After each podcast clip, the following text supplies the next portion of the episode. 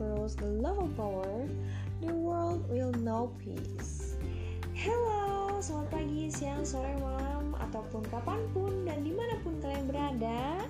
Kini ya seneng, seneng banget gue Ratna bisa nemenin kalian lagi di podcast Tiga Sahabat. Gak kerasa ya udah lama banget gue gak nemenin kalian kurang lebih sekitar satu bulan terakhir itu kalau nggak salah di bulan November atau Desember gue nemenin kalian wow udah lama banget sih ya gue bikin podcast ini di bulan Februari bertepatan banget sama yang namanya bulan kasih sayang. Wow kalau denger yang namanya bulan kasih sayang belum belum pasti atau gak melulu kasih sayang itu ada sangkut pautnya sama pacar.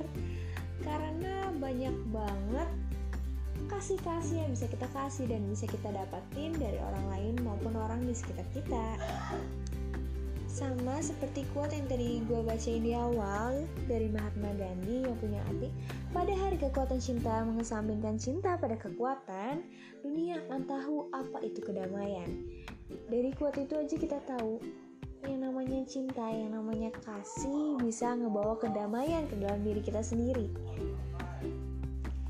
Kasih, cinta, atau love bisa kita dapetin di mana pun sih. Gak harus di tempat ini doang kita bisa ngedapetin yang namanya kasih. Bahkan sama orang yang gak kita kenal pun kita bisa ngerasain yang namanya kasih. Ngomong-ngomong soal kasih, ternyata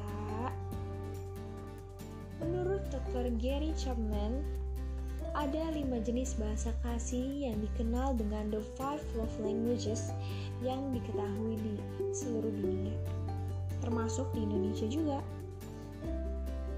Yang pertama adalah kata-kata penguatan atau words of affirmation.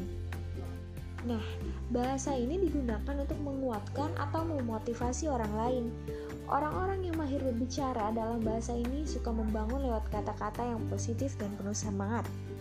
Mereka murah hati dan memberi pujian yang tulus tentunya.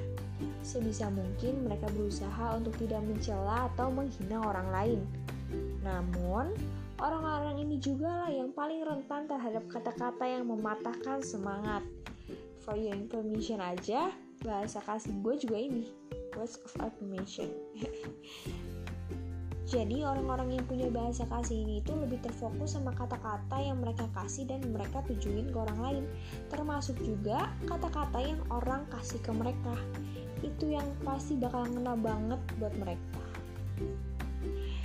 Lalu yang kedua itu ada tindakan melayani atau acts of service. Orang-orang dengan tipe bahasa ini punya prinsip tindakan nyata selalu lebih baik daripada kata-kata belaka atau dalam istilah aslinya action speaks louder than words. Kadang-kadang mereka tidak banyak bicara, yang penting bekerja.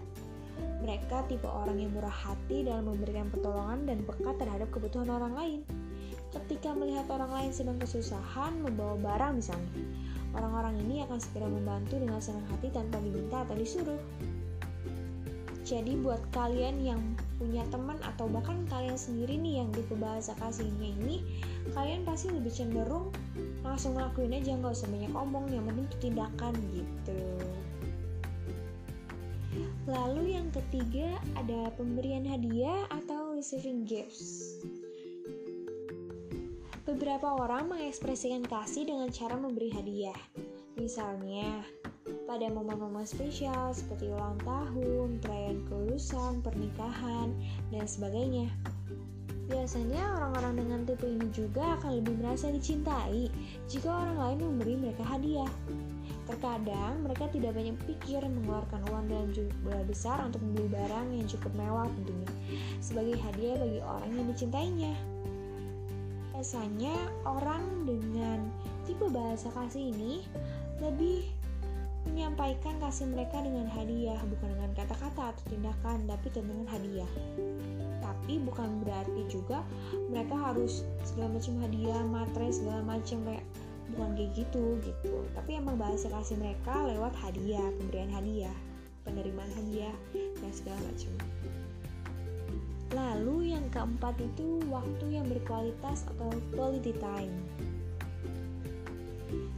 Bagi orang-orang dengan tipe bahasa ini, hal yang paling penting yang dapat mereka berikan adalah perhatian penuh atau undivided attention. Mereka senang meluangkan waktu bersama orang-orang yang dicintai untuk mendengar dengan tulus, serius, fokus tentang kisah hidup mereka, berbagi cerita, berbagi masalah, dan segala macamnya. Nah, dari sini jelas banget bahwa orang-orang ini adalah pendengar yang baik dan cocok dijadikan partner bagi mereka yang suka curhat. Wah, siapa nih yang tipe bahasa kasihnya waktu? Kalian bisa cocok banget buat jadi teman curhat buat teman-teman kalian.